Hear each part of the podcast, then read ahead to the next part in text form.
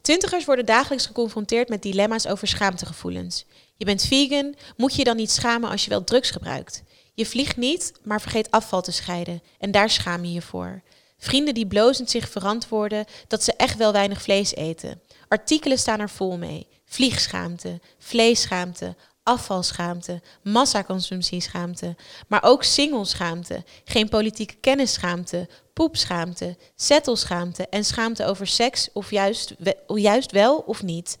Over het aantal bedpartners dat je hebt gehad of seksfantasieën. In deze podcast bespreken we schaamte. Waarom schamen we ons? Of vinden anderen dat we ons moeten schamen? Of willen we soms die schaamteloosheid opzoeken? Zouden we ons minder moeten schamen of juist meer? Mijn naam is Mandy Wolkens en ik host deze podcast in het Amsterdamse cultureel huis Felix Meritus. En ik doe dit niet alleen, ik heb vandaag weer drie gasten bij me. En ik begin bij Leonie.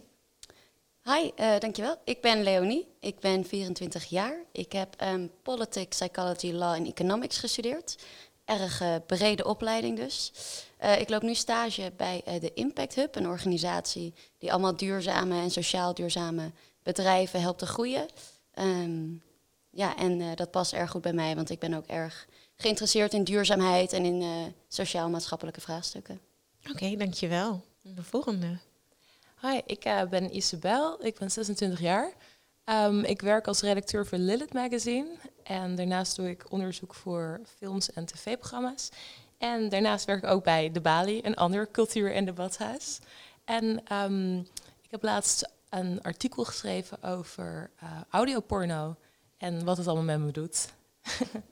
Leuk. En tot slot? Ja, mijn naam is Ilona de Hoge. Ik ben uh, associate professor aan de Wageningen Universiteit.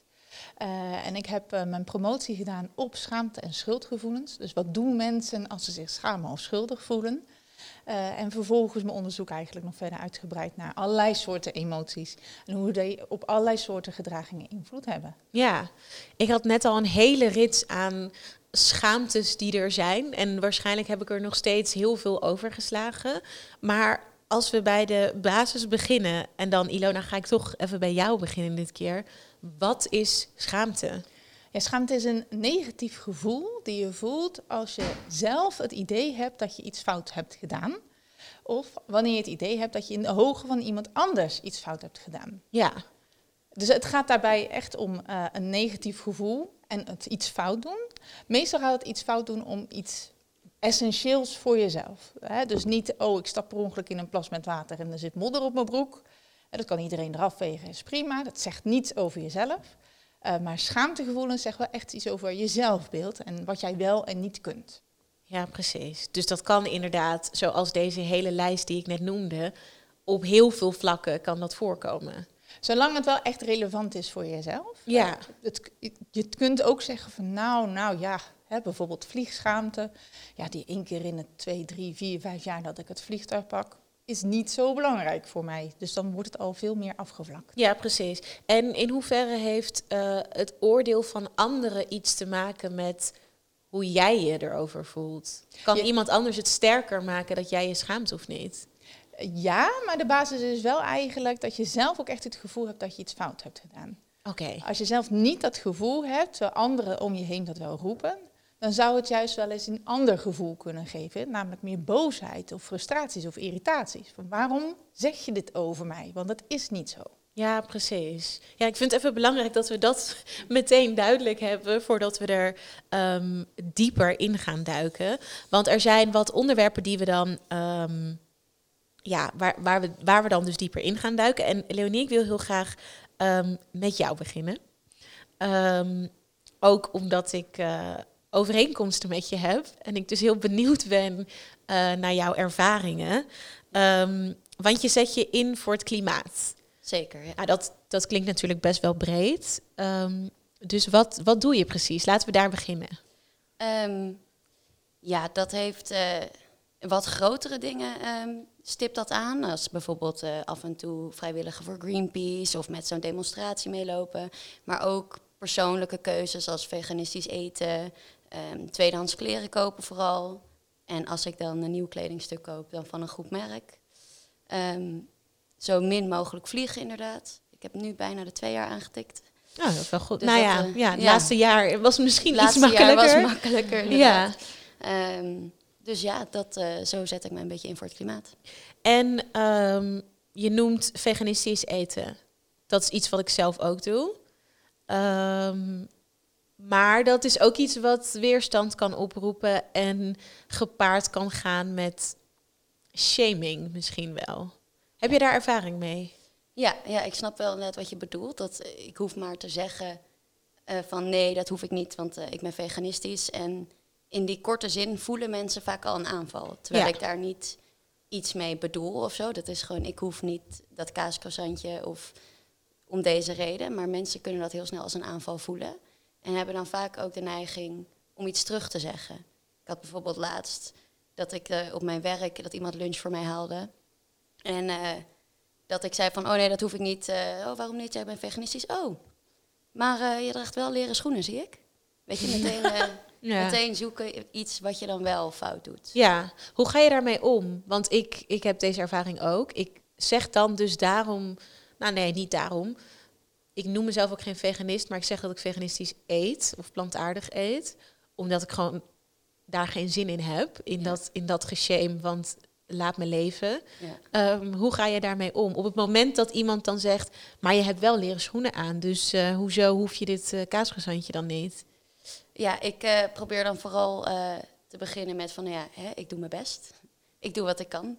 Hè, jij eet wel een kaascroissantje en draagt leren schoenen, dus eh, volgens mij sta ik 1-0 voor. Ja, Maar vooral rustig blijven is dat dan, denk ik. En ook, ik, ik ben dan wel dus heel erg geneigd om dan erachteraan te plakken. Maar ze zijn wel tweedehands. Zeg maar inderdaad, dus dat het wel iets met me doet, dat hij dat zegt. toch wel. Toch wel, zeg maar. Want inderdaad, ik wil dat dan wel graag vertellen van... Ja, maar ze zijn wel tweedehands, weet je. Van, om het soort van goed te praten, terwijl al waren ze niet tweedehands...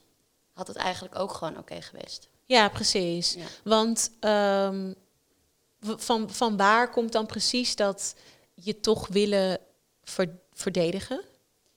ja, omdat ik natuurlijk ook eigenlijk wel snap dat het misschien een inconsequentie is. Denk ja, ik. is dat het? Ja, dat, Dat is dan de vraag, dat inderdaad. Is, dat is heel erg lastig. maar- Ja, ja. Maar het, en, en denk, denk ik omdat het makkelijker is dan de discussie aan te gaan. Ja, precies. Dan ben je er gewoon vanaf. Dan ben ik er vanaf, want dan kan niemand niks meer zeggen. Dan is het, oh oké. En Ja. dan is het gesprek over. De- maar is dat ook zo? Of heb je ook wel eens mensen die, nou, toch wel redelijk hard erin gaan en, en je willen, ja, een soort van, ja, dat klinkt misschien heel hard, maar willen pakken op dat jij ook niet zo perfect bent. Zeker, zeker. Dat is af en toe ook wel lastig. En, maar ik ben nu al best wel een tijdje veganistisch, dus ik ben wel goed getraind in deze gesprekken Ja, precies. volgen. Dat elke keer als ik een avocado uit het schap pak, dan iemand zegt dat kost ook superveel water. Of eh, dat iemand met het eh, verhaal komt dat eh, soja veel slechter is, want dat daar bossen voor worden gekapt. Ja, Ik precies. heb Oké, daar ja. gewoon goedkeurig je huiswerk gedaan. mijn huiswerk en- gedaan, de feitjes op mijn rij, dat ik altijd goed die antwoorden kan geven. En dan altijd eindig met van, maar ik leg jou niks op, ik doe dit gewoon graag. Laten we lekker een, eh, een broodje pindakaas eten. Ja, precies. ja, Ja. het kan meer in oplossingen Ja. ehm, gedacht. Want eh, heb jij ook dat je je dan schaamt voor het feit dat, dat iemand je er dan op aanspreekt dat je wel leren schoenen hebt, ook al zijn ze misschien tweedehands of misschien zijn ze dat ook wel een keertje niet. Ja. Bekruipt jou dan ook een soort schaamtegevoel van ja, oké, shit, dit heb ik misschien ook niet helemaal goed gedaan. Ja, zeker. Zeker. Terwijl ik ook tegen mezelf blijf zeggen van, ah, maar je doet al zo je best, weet je, en het, je doet het al goed. Dat zit er toch. Ja. En is er een soort grens voor jezelf dat je denkt, als ik dit al allemaal doe, wat, wat vast nog veel meer is, dan ben ik op zich al wel oké. Want er is misschien altijd meer wat je kan doen. Ja, ja dat, dat denk ik zeker. Dat, er is altijd meer wat je kan doen. Ehm, maar ik denk ook wel inderdaad van, ik doe al ongelooflijk veel. En ik had het vroeger een stuk meer. Mhm. Dat ik mezelf eh, voor dingen afstrafte, zeg maar. Als ik dan dacht van, oh, dat, dat Wat klopt deed je niet. dan? Of, nou ja, dat, nou, dat was vooral dan als ik daarachter kwam van, oh, een, een avocado kost inderdaad superveel water. Dan kocht ik gewoon een half jaar geen avocado's, weet je wel. Ja. En dan op een gegeven moment kom ik dan ook weer bij een punt dat ik denk, jeetje, ik moet koop het gewoon ook lekker nog- die avocado. ja, ik moet het ook nog leuk houden ja, voor mezelf. ja, precies. Maar er is inderdaad wel een lijn, zeg maar. Tot, waar je, tot waar je kan gaan. Ja, Ja, er is, er, zeg maar iedereen heeft denk ik die lijn en die ligt voor iedereen ook ergens anders. Want ik bedoel, als ik vegan bloggers op Instagram zie die Mhm. aan het preachen zijn hoe goed het voor het milieu is, maar wel eh, om de twee maanden naar Bali heen en weer vliegen, dan denk ik ook, ja, Dat is dan weer een beetje dubbel. weet je, weet je, maar dat is, dat is ja een standaard die misschien andere mensen ook weer op mij leggen, die ik dan weer op hen leg. Ja, Dus ik denk wel dat iedereen die lijn heeft, maar ja precies. Hoe zit dat eh, eh, bij jou, Isabel? Eh, eet jij toevallig ook plantaardig? Ik probeer wel zoveel mogelijk plantaardig te eten. Ja, Ja. ja. ook omdat veel, eh, veel vrienden die doen dat sowieso al van mij. En dus als we samen eten, dan is dat ook altijd veganistisch. En het is natuurlijk voor beter voor dier en milieu, dus dat is sowieso fijn. ja. Maar ik hou ook erg veel van kaas, dus ik probeer mezelf niet al te hard te straffen als ik inderdaad kaas koop of Ja. iets dergelijks. En is het dan... ehm nou, Leona, hoe is dat voor jou? Eet jij, eet jij toevallig ook plantaardig? Ook. Ook. Maar ook vlees en ook vis. Maar ook, oké. dus Ja. niet alleen een plantaardig dieet. Nee. Nee, oké, omdat ik eh, maar dan afvroeg voor jou, Isabel, als je dan bijvoorbeeld mij en Leonie hoort, die dan allebei plantaardig eten, als we het even op eten houden, denk jij dan ergens, oeps, ik eet kaas en dat vind ik heel lekker. Ga ik dit dan zeggen of vinden zij dan iets van mij? Nou, het schoot wel heel veel door mijn hoofd heen, ja. maar het is ook voornamelijk, denk ik, omdat we het juist over schaamte hebben. Ja, Dat je dan denkt van, oh, misschien moet ik me daar wel voor schamen. Maar aan de andere kant, wat, zoals Leonie ook net al zei, van je doet je best. En I guess dat, zeg maar, op, zeg maar, als je kijkt naar andere dingen die dan ook weer goed zijn voor mens en natuur of zo, dat ik misschien weer iets anders doe. En aan de andere kant, het is ook geen, het is geen competitie. Dat is Nee. vooral een belangrijk punt, denk ik, dat ja, mensen mee moeten nemen. Dus ja, ik heb, ik heb trouwens vorige week vis gegeten, jongens, sorry. shame. maar het was wel van de markt en ik had het gekregen van iemand. eh, Ja, maar kijk, dit hoeft dus eigenlijk niet. Ja. Wat, je, wat je dan dus nu doet, een soort van Ja. ehm, indekken Ja. of zo. Is, is, dit, professional. ja, is, is dat een soort logisch gevolg, Ilona, dat als je wordt aangesproken, want ik, ik doe dit ook. Ik herken mezelf hier helemaal in, want ik draag leren schoenen. Ehm, en ook wel eens leren nieuwe schoenen, want eh, ja, mijn leven. Ehm, ja, zo simpel. Ehm, en ik heb er niet per se heel erg last van als mensen dan tegen me zeggen, ja, maar dat kan niet. Maar soms, afhankelijk van wie het zegt, ga ik toch mezelf verdedigen. En dan toch zeggen, ja, ik heb heel lang over deze schoenen nagedacht. En ze zaten na twee jaar nog steeds in mijn hoofd. En dus mocht bla bla bla bla bla. Ja, ja in, in eerste instantie is het heel belangrijk om op te merken. Dit is een vrij grijs gebied. Oké, In de zin van eh, veganistisch gedrag, milieubewust gedrag, duurzaam. Wat is wel en niet duurzaam? Er Ja. is geen één standaard. Dat is waar. Dus dat maakt het al lastiger. Want we vergelijken verschillende dingen. Hè? De productie, de het verbruik van water, het kappen van bossen. Ehm, ja, je kunt het over allerlei boegen gooien. En dan kun je altijd van iets vinden dat het wel of niet duurzaam is. Dus dat maakt dit onderwerp al heel erg lastig. ja, En dan zie je daarnaast dat er inderdaad bij mensen waarbij het echt wel een belangrijk issue is, of een belangrijk punt voor hun zelfbeeld, eh, dat ze zich sneller aangesproken voelen als andere mensen erop eh, ja, beginnen of erover beginnen. Ehm, en waar we net in het begin over hadden, schaamte gaat over dat je het gevoel hebt dat je zelf iets fout hebt gedaan. Zodra iemand anders begint van, hé, maar die leren schoenen, ehm, ja, dan, dan kunnen er twee dingen bij jezelf gebeuren. Of je denkt, hé, daar zit wel een kern van waarheid in wacht eens even, misschien ben ik toch niet zo goed bezig. Dat is toch wel een fout die ik op de een of andere manier moet verbeteren. Bijvoorbeeld door het komend half jaar geen eh nou, leren schoenen, advocado's of wat dan ook meer te kopen. ja. Ja. Een andere mogelijke reactie is inderdaad dat mensen denken, ja, ik ben al goed bezig, ik doe al zoveel mogelijk mijn best, ik kan ook niet alles. Ik vind niet dat ik fout zit. Ehm, en dan zie je de verdedigingsreactie, en dat noemen ze inderdaad ook in de literatuur shaming. ja. Hè, dat, dat zeg maar de, de mensen om iemand heen of de groep eh, probeert normen en waarden op te leggen. Terwijl de persoon zelf denkt van ja, maar dit, dit is niet voor mij het geval. Je zit verkeerd. En dan roept dat juist meer ja, irritatie, frustraties, boosheid op.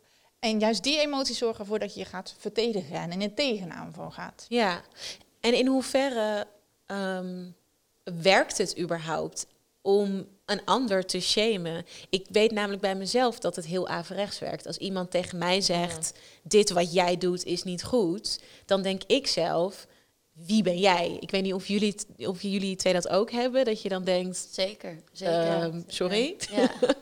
ja. Ehm, dus dat, bij mezelf zou dat dan dus niet werken. Dus dan vraag ik me af of wat dat dan is in mensen, dat ze dat aan willen wijzen bij een ander. Ja, nou, inderdaad. De meeste literatuur laat zien dat shaming niet werkt. Het werkt juist averechts.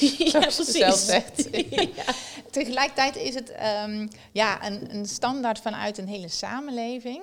Ehm, als we eens teruggaan naar het idee van een mens zonder schaamte, hè, die zich nooit ergens ook maar iets voor schaamt. Klinkt best chill. ja, zo. Dat klinkt in eerste instantie heel relaxed, maar ehm, in werkelijkheid zijn dat de psychopaten in onze All right, oké. Misschien toch Ja. niet. Dat zijn namelijk de mensen die nooit zich ook maar ergens voor schamen of schuldig voelen. En dus ook nooit ergens van die negatieve emoties last hebben. Wat dat dus betekent dat je nooit iets maar aantrekt van duurzaamheid of de normale regels en standaarden in de maatschappij. Dus in de basis ehm, begint een maatschappij met we leren elkaar normen en waarden. Basisregels waar iedereen zich soort van aan moet voldoen. Dat leren onze kinderen als ze opgroeien. Nou, die leren tussen hun zevende en tiende ongeveer van, oh ja, wacht eens even, ik ben zelf een individu, er zijn mensen om mij heen. Ik kan dingen goed en fout doen en anderen kunnen dat ook goed en fout voor mij vinden. En dan ontstaan die mogelijke gevoelens van schaamte en schuld. En daardoor kun je dus kinderen zeg maar sturen in bijvoorbeeld stelen is slecht, eh, geld verdienen is goed. Eh, hè, en zulke soort eh, basisregels die voor iedereen gelden. En dat maakt een maatschappij heel erg makkelijk, want Ja. daardoor kunnen we over het algemeen met elkaar samenleven. Dus in die zin is schaamte ook wel heel erg nuttig. Want als er dus kinderen of mensen een keer niet aan die regels voldoen, ehm, ja, dan zorgen die gevoelens van schaamte ervoor dat je denkt: Oh, ik zit verkeerd, ik moet het de volgende keer beter doen. Dit moet ik niet nog een keer doen, want ik wil dit niet nog een keer. Ja, precies. Dus schaamtegevoelens zijn uiteindelijk, ook al voelen ze heel verschrikkelijk, wel heel erg nuttig. Ja, nou oké, we hebben het allemaal gevoeld, dus in dat opzicht zijn we dus waarschijnlijk geen psychopaat. Dat is het goede nieuws van vandaag. Ja, inderdaad.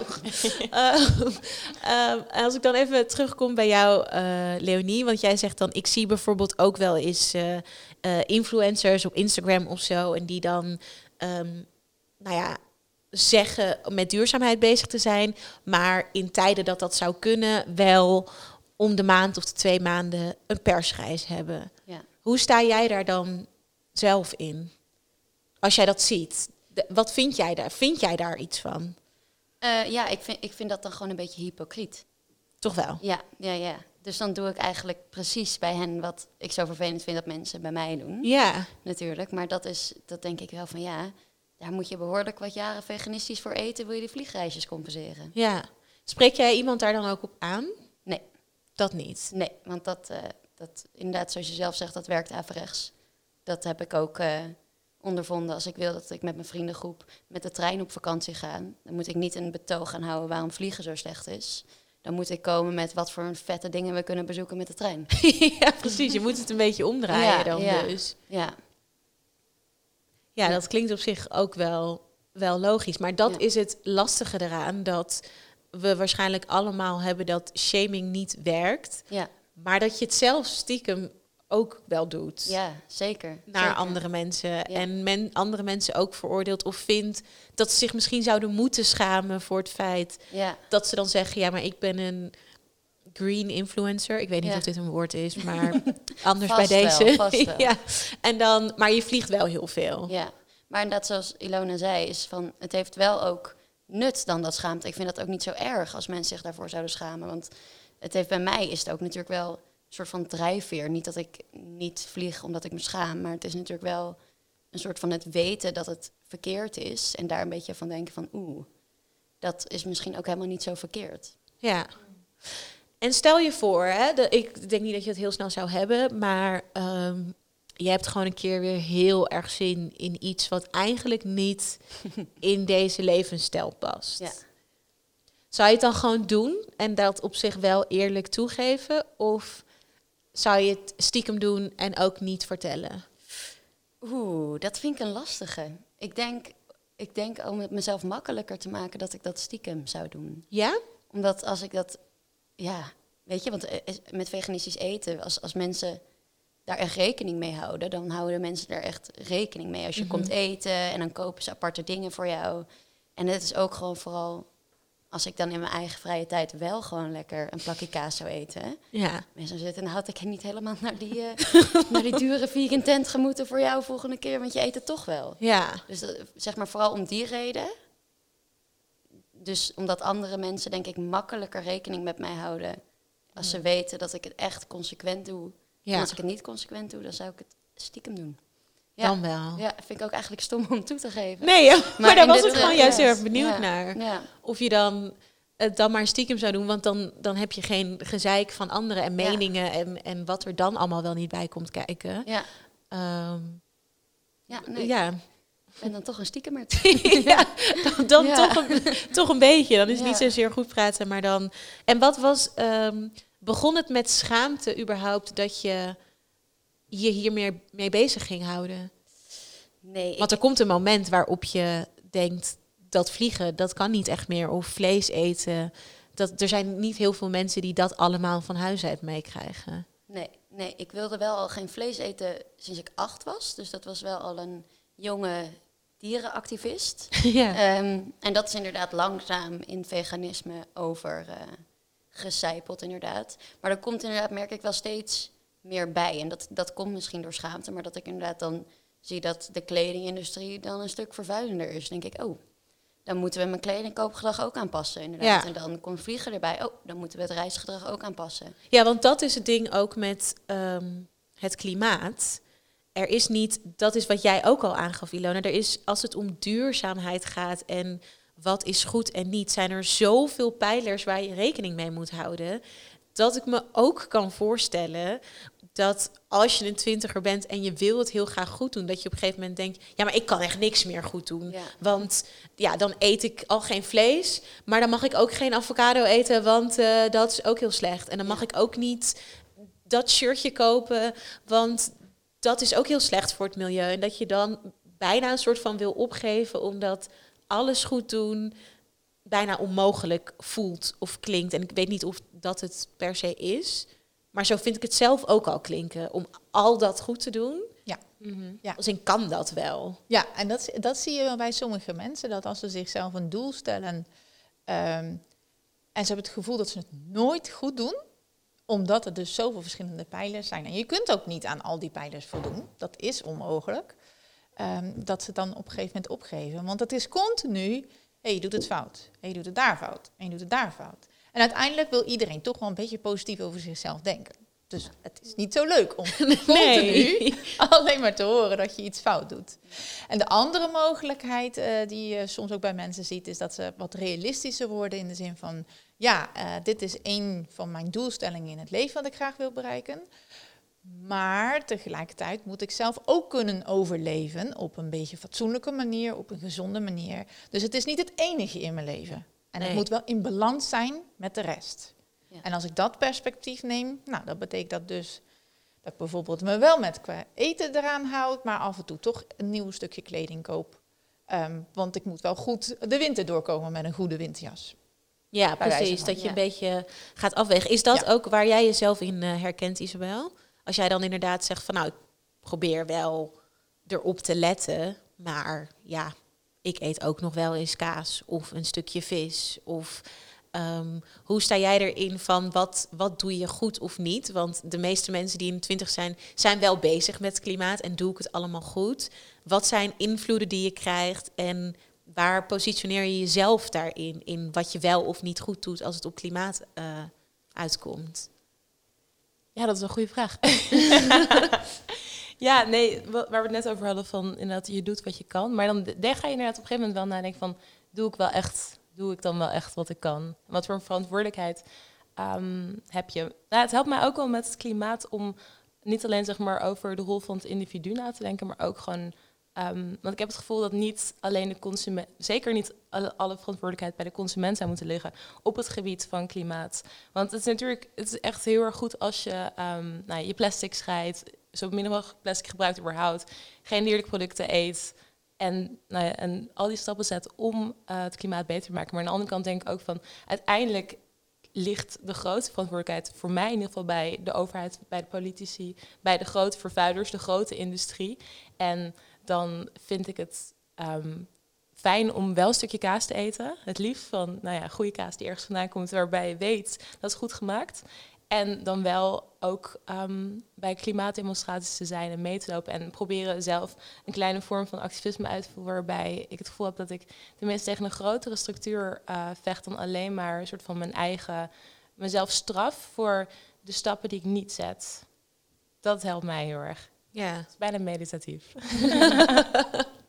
Kun jij daarin vinden, ook deels Leonie? Want ik, ik neem aan dat je het meeste probeert na te streven, maar waar we ook nu een beetje achter komen, ja, alles doen, dat is soms gewoon wel lastig. Want ja. je mag ook wel een keer gewoon wel een avocado door je, door je salade of op je, op je cracker doen. Ehm, zonder dat je daar heel rot over hoeft te voelen. Of misschien vlieg je niet, maar ehm, eh, heb je wel iets anders gedaan wat misschien vervuilend is? Heb je misschien ooit in je leven wel drugs geprobeerd en daar vinden mensen dan weer wat van? Of heb je inderdaad nieuwe leren schoenen gekocht? Of weet je, is er altijd wel iets waarop je kan zeggen: ja, maar Leonie, jij, ja. dat. Ja, nee, helemaal mee eens hoor. Ik, uh, ik denk ook dat zeg maar iedereen een beetje dus doet wat ik kan en dat dat voor iedereen anders is. Zeg maar dat voor mij is het heel makkelijk om veganistisch te eten in de zin als ik kan gewoon daar heel lekker mee koken. En voor mij ontbreekt er niet echt iets als ik met vrienden aan tafel zit en ik heb niet dat stukje vlees. Of ja, kleren, daar heb ik nooit heel veel om gegeven. En ik krijg vaak toch tweedehandsjes van mijn vrienden over die ze niet meer hoeven. Dus dat is voor mij ook niet zo'n probleem. Maar inderdaad, een keer een pilletje ecstasy op een lowlands, dat kan ik voor mij niet echt direct vervangen met een fairtrade pil. Dus, nee, voor zover ik weet, dus, is daar nog geen keurmerk voor. Nee, dus, en dan gaat dat er ook niet komen, inderdaad. Nee, terwijl dat is natuurlijk ook wel, dat is ook een industrie waar je eigenlijk niet graag uh, je geld in zou willen stoppen. Nee. En dat is dan ook weer inderdaad wel iets wat ik dan weer wel doe en misschien anderen weer laten. Nee, dus de, het, het zit hem dan ook een beetje als het om duurzaamheid gaat in misschien balans en niet te streng zijn voor jezelf. Zeg ik dat een beetje goed, Ilona? Ja. ja. Dat is eigenlijk hoe je dan het meest kan bereiken. Ja. Misschien. Ja. Ja, je, je, moet maar zo zien als je op allerlei gebieden echt probeert het strengste tegen jezelf op te leggen. Uh, dan is de kans groot dat je en doodgelukkig bent. Oh, doodongelukkig bent. Ja. ja. dat doodgelukkig zou fijn zijn. ja. Nee, doodongelukkig bent. Um, en ook best wel de kans groot dat je waarschijnlijk niet heel oud gaat worden. Oh, dat is ook wel een beetje jammer. Ja, ja dus in die zin, um, ja, wat we net ook zeiden, hè, je wil een beetje die balans vinden tussen allerlei verschillende belangen. Uh, en de duurzaamheid is op allerlei gebieden mogelijk iets in ieder geval te halen. En als je dat kunt doen tegelijkertijd met oh, toch wel een tevreden zelfbeeld over jezelf hebben. Uh, en een uh, ja, zeg maar fatsoenlijk of gezond leven te leiden, of andere aspecten die jij belangrijk vindt, ja. Ja, dan is dat denk ik het beste voor iedereen uiteindelijk. Ja, precies. Mhm. Ja, en er zijn, er zijn nog veel meer uh, vormen van schaamte en waar, waar ook in geshamed wordt. En uh, Isabel, jij vertelde net al dat je uh, een artikel had geschreven over audioporno. Toch? Klopt. Ja, ja. ja. ja. Klopt. Toch even, dat zeg ik goed, toch? Um, en wat dat met je deed of heeft gedaan of misschien nog steeds wel doet. Ja, dat klopt. Ja, het was zo grappig, want ik um, schrijf dus voor een online feministisch platform. En uh, ik zat al een tijdje te zeggen in onze redactiemeeting van... eigenlijk moeten we meer met seksualiteit doen, want daar doen we heel weinig mee. We doen heel veel met politiek en dat is heel vet, want het is belangrijk. Ja. Maar seksualiteit is voor veel mensen in ieder geval een groot deel van hun leven. Dus ja, daar moeten we wat mee. En toen... Uh, toen werden we, kregen we een berichtje van een, uh, een platform. En die, dat was net begonnen, dat heette Engine. En zij begon, waren net begonnen met het uitbrengen van audioporno. Voor vrouwen, door vrouwen. Um, heel veel verschillende soorten verhalen. En toen vroeg zij of wij daar iets over konden schrijven. En toen zei mijn hoofdredacteur... Nou, dan... Deze is voor jou. Jij wilde heel graag Jij wilde seksualiteit. Alsjeblieft. Ja, dus toen ben ik daar naar gaan luisteren. Naar verschillende van dat soort... Um, audio porno of podcast porno. Ik heb er echt veel verschillende termen voorbij horen komen. En toen ben ik daar inderdaad uh, vooral gaan schrijven over wat me deed. Ja, want um, ik heb dit ook wel eens geluisterd. Ja. Omdat ik onderzoek voor iets aan het doen was. En Dat dit was. was allemaal, ja. Ja, nee, dat zeggen ze allemaal. Maar ik was helemaal. Ik zat er toen helemaal in wel. Ja, ja. Maar ik zat wel op een redactie. Dit was nog in tijden dat je op een redactie kon komen. En op een gegeven moment stond er wel iemand achter me. En voelde ik me enorm betrapt. Terwijl er was niks geks op mijn scherm. ja. Ehm, maar ik hoorde wel wat ik hoorde. ja. Dus wat gebeurde er met jou op het moment dat je de eerste keer ging luisteren? Ja, het grappige was dat eh, ik heb de eerste keer dat ik het ging luisteren, heb ik het heel erg aangepakt zoals, nou ja, elke podcast die ik ooit luister. Ik zet het gewoon op en ik ga andere dingen doen, want ik ben sowieso best wel een soort van hyperactief. Ik moet dan altijd wat te doen hebben. Dus ik door dat, eh, dus ik was aan het ontbijten toen. Oh, oké. eh, Dat is een goed moment. Ja, iedereen die ik dit vertel zit ook zo van, wat dacht je? Ja, dacht je? breakfast. ja. En mijn huisgenoot zat zeg maar tegenover mij en eh, op een gegeven moment... ehm, Maar had je het op je oren of was het gewoon in oh de nee, ruimte? gewoon GBL-speaker. Oké, oké. Ja, ja, ja. Maar dan weet ik even dat je huisgenoot het dus Oh ook ja, sorry voor Ja. de context. ja, ja, even voor de context. Ja, en eh, toen, ehm, het ging over, over een eh, trio, maar dat best wel een lange aanloop. Dus op een gegeven moment, nou, ik dacht dat het duurde nog wel even, dus ik havermout eten. En op een gegeven moment waren ze in het zwembad beland. En toen ineens ging het best wel snel. En toen werd, werd, werd er, werden mensen gevingerd en er waren grote erecties. En ik moest eigenlijk stikte echt in mijn ontbijt. Maar krijg ik dat van, what the fuck.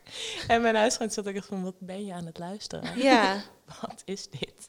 Dus ja, toen was ik wel echt een beetje van, oké, eh, dit kan ik beter in privé luisteren. Toch wel. Je had wel een soort van schaamtegevoel over hetgeen wat je hoorde. Of Ja, het is een beetje net zoals, weet je wel, toen je vroeger met je ouders naar een seksscène in een film kijkt. Dat je denkt van, oh, de- ze zien dat ik dit zie. En Ja. Dit is seks. Die, die, die awkwardness of zo daarbij. ja. Ehm, en, hoe was het verschil toen je het alleen luisterde? Ehm, toen, ja, toen schaamde ik me daar helemaal niet voor. Ja, toen was ik het gewoon aan het luisteren.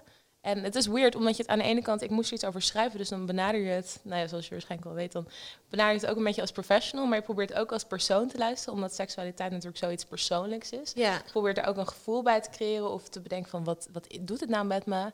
Dus, eh, maar het was heel fijn, zeg maar, ja, met headphones. Dat is echt een aanrader voor iedereen die porno gaat luisteren.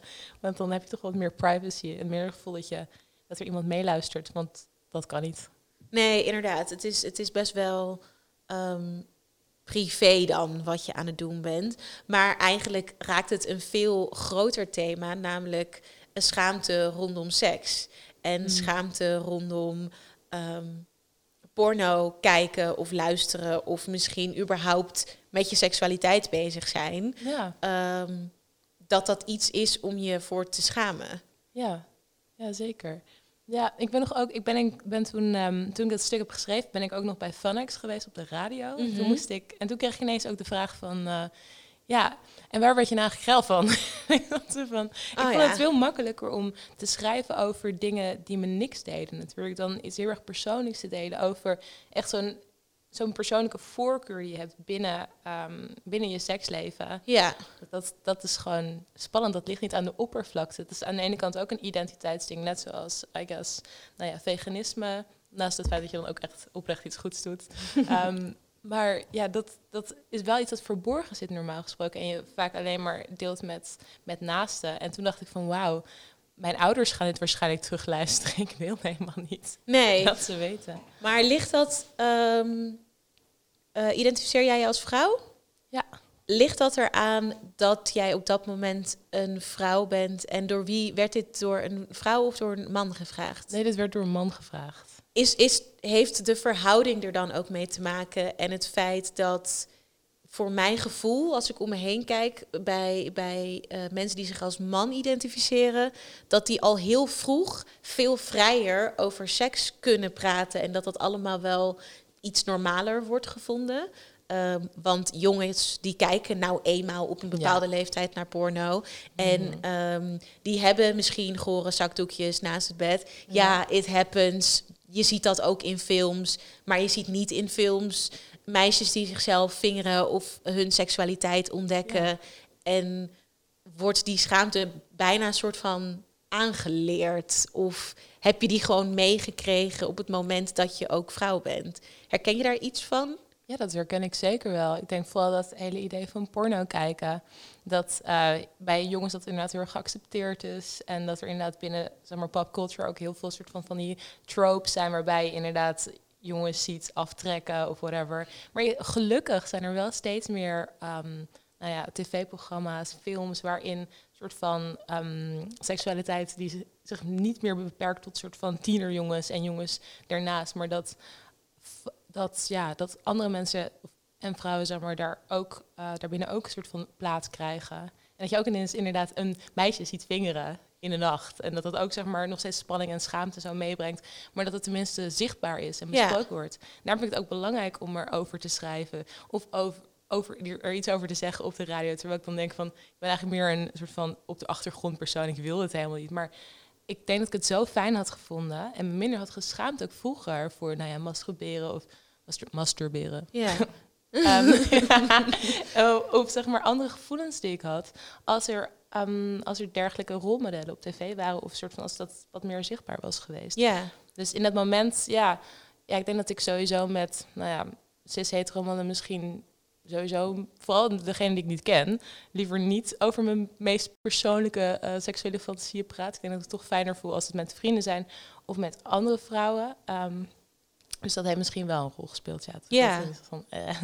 ja nee, ik, ik snap het denk ik helemaal. En ik voel dat denk ik ook. Ik weet niet hoe dat voor jou uh, is, Leonie. Als je dit dan zo hoort, dat je denkt... is dat iets waar je gewoon zomaar met iedereen over praat? Of maakt het inderdaad wel uit wat je meekrijgt... en wat je vroeger en misschien nu nog steeds wel ziet... en wat als normaal wordt gezien, tussen aanhalingstekens dus normaal? Ja, nee, ik denk dat dat heel erg meespeelt. Ik bedoel, je kijkt al in de, in de verzorgingsboeken die je krijgt op de middelbare school, staat ook jongens masturberen, meisjes masturberen soms. Ja. En misschien is dat wel feitelijk waar, maar dat legt al meteen, zeg maar, als dat is wat je leert op school, dan legt dat al meteen een soort van norm of waardeoordeel en een verwachting. daarover. Ja, En een verwachting inderdaad, van oeh, misschien ben ik dan raar als ik dat wel ook doe. Ja. Um, dus inderdaad, dat zou misschien in een biologieboek uh, thuis horen, maar in een verzorgingsboek vind ik dat eigenlijk niet helemaal thuis horen. En dat zijpelt inderdaad door in de rest van de samenleving. En ik denk nu wel dat er een beetje een, een soort van revolutie komt. Ik bedoel, hè, de Satisfyer Pros en de Womanizers. Alright, ja, dat is echt een topper. Mocht je luisteren, ja. je hebt ze nog niet. Die, uh, het is niet zo'n duur ding, doe het gewoon. Ja, dit, uh, jij kan dit ja. gewoon zeggen. Ik bedoel, nee, je leven gaat zeker. beginnen. Ja, maar het is inderdaad, zeg maar, dit, dit zeg maar, dit, ik merk wel dat het het wordt bespreekbaarder. Zeg maar. Mensen hebben dit er gewoon ook over op de lunchtafel aan werk. Van, heb je dat ding al gekocht? Ja. Weet je wel? En ik heb wel het idee, misschien is dat ook omdat ik wat ouder word... dat het daarom makkelijker wordt om erover te praten. Ja, is het misschien inderdaad het verschil tussen tiener zijn... en op een gegeven moment in je twintiger jaren komen... en dan wel denken ja, maar wacht heel, heel even. ik heb ook behoeftes. En ehm, misschien ben ik wel iets later begonnen met ontdekken, omdat er een gevoel van schaamte omheen zat. Maar ik heb tijd in te halen, dus let's go. Is dat ook wel een beetje iets waarvan je denkt, ja, misschien wel. Is dat wel iets wat in je twintiger jaren een beetje ja, voor mij gaat wel, spelen? Ook zeg maar, je, je ontdekt je eigen seksualiteit veel meer. Ook je praat erover, je maakt dingen mee. Je, voelt veel meer waar je zelf comfortabel mee bent.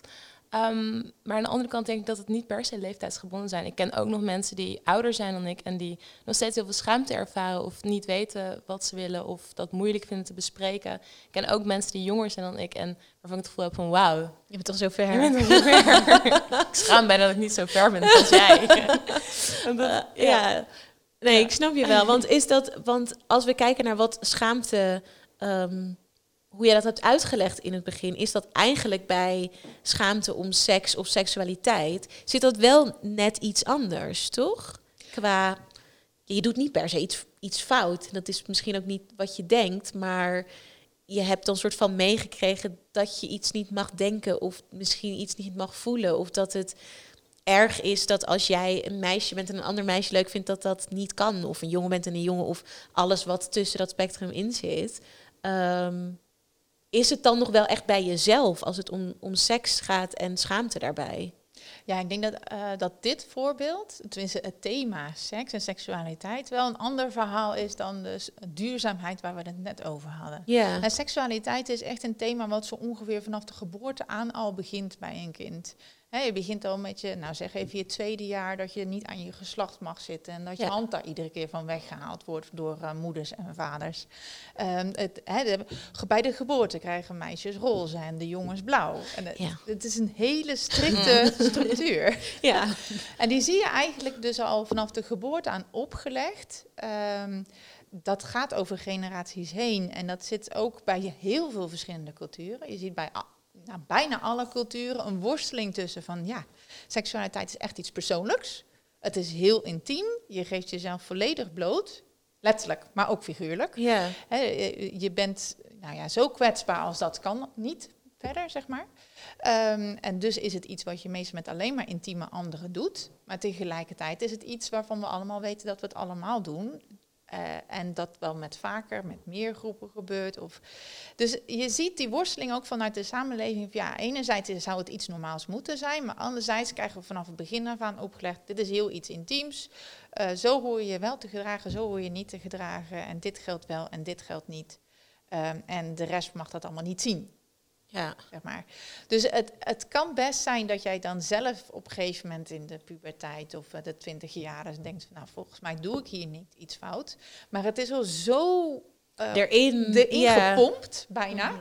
vanaf het begin, vanaf je geboorte, dat er toch iets waarschijnlijk in je achterhoofd zit van ja, maar dit is in ieder geval niet zoals ik het heb geleerd. Ja, precies. Dus dat is eigenlijk, kunnen we dan concluderen dat dat iets is waarvan je los soms moet komen. Dat schaamte wel eh, in sommige gevallen een goed gevoel of een, een, emotie is die er moet zijn. Want het zorgt ervoor dat je soms gewoon even binnen de, de kaders blijft. ehm, die misschien het rechtssysteem bijvoorbeeld heeft bedacht.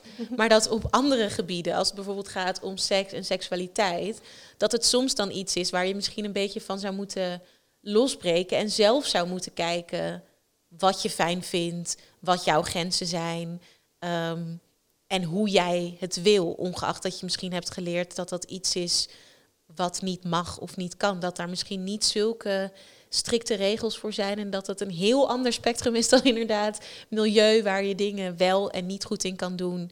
Dat het hier is, het is voor iedereen persoonlijk.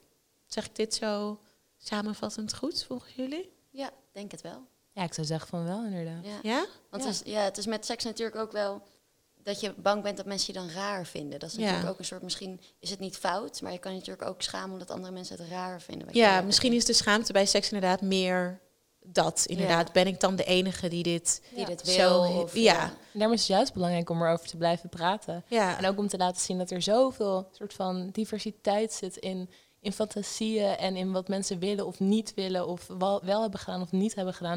Ik heb ook wel het gevoel dat er, ja, dat je, nou in ieder geval ook als ik kijk naar de mensen waar ik mee omga, dat iedereen heeft al zoveel ervaring. Dat, ja. het bijna, dat je bijna een soort van moet schamen als je ehm, nog niet zo ver bent.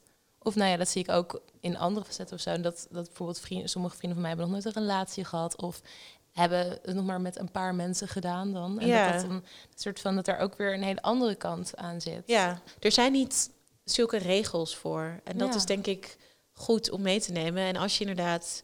ehm, nou, welke leeftijd je ook hebt en je luistert dit, ga, ga dat uitzoeken. Eh, wees in alle opzichten niet te streng voor jezelf. Ja. En neem het er soms een beetje van. Bij het een misschien iets minder dan bij het ander. Maar als het op seks aankomt, go for it. Gewoon die Satisfier Pro. dus. Ja, toch? Ja, is geen sponsor verder, maar echt je leven gaat Maar bel me. beginnen. Ja, precies. Uh, dankjewel dat jullie er waren. Uh, dankjewel voor het luisteren en hou vooral de website in de gaten van Felix Meritus voor de online programmering.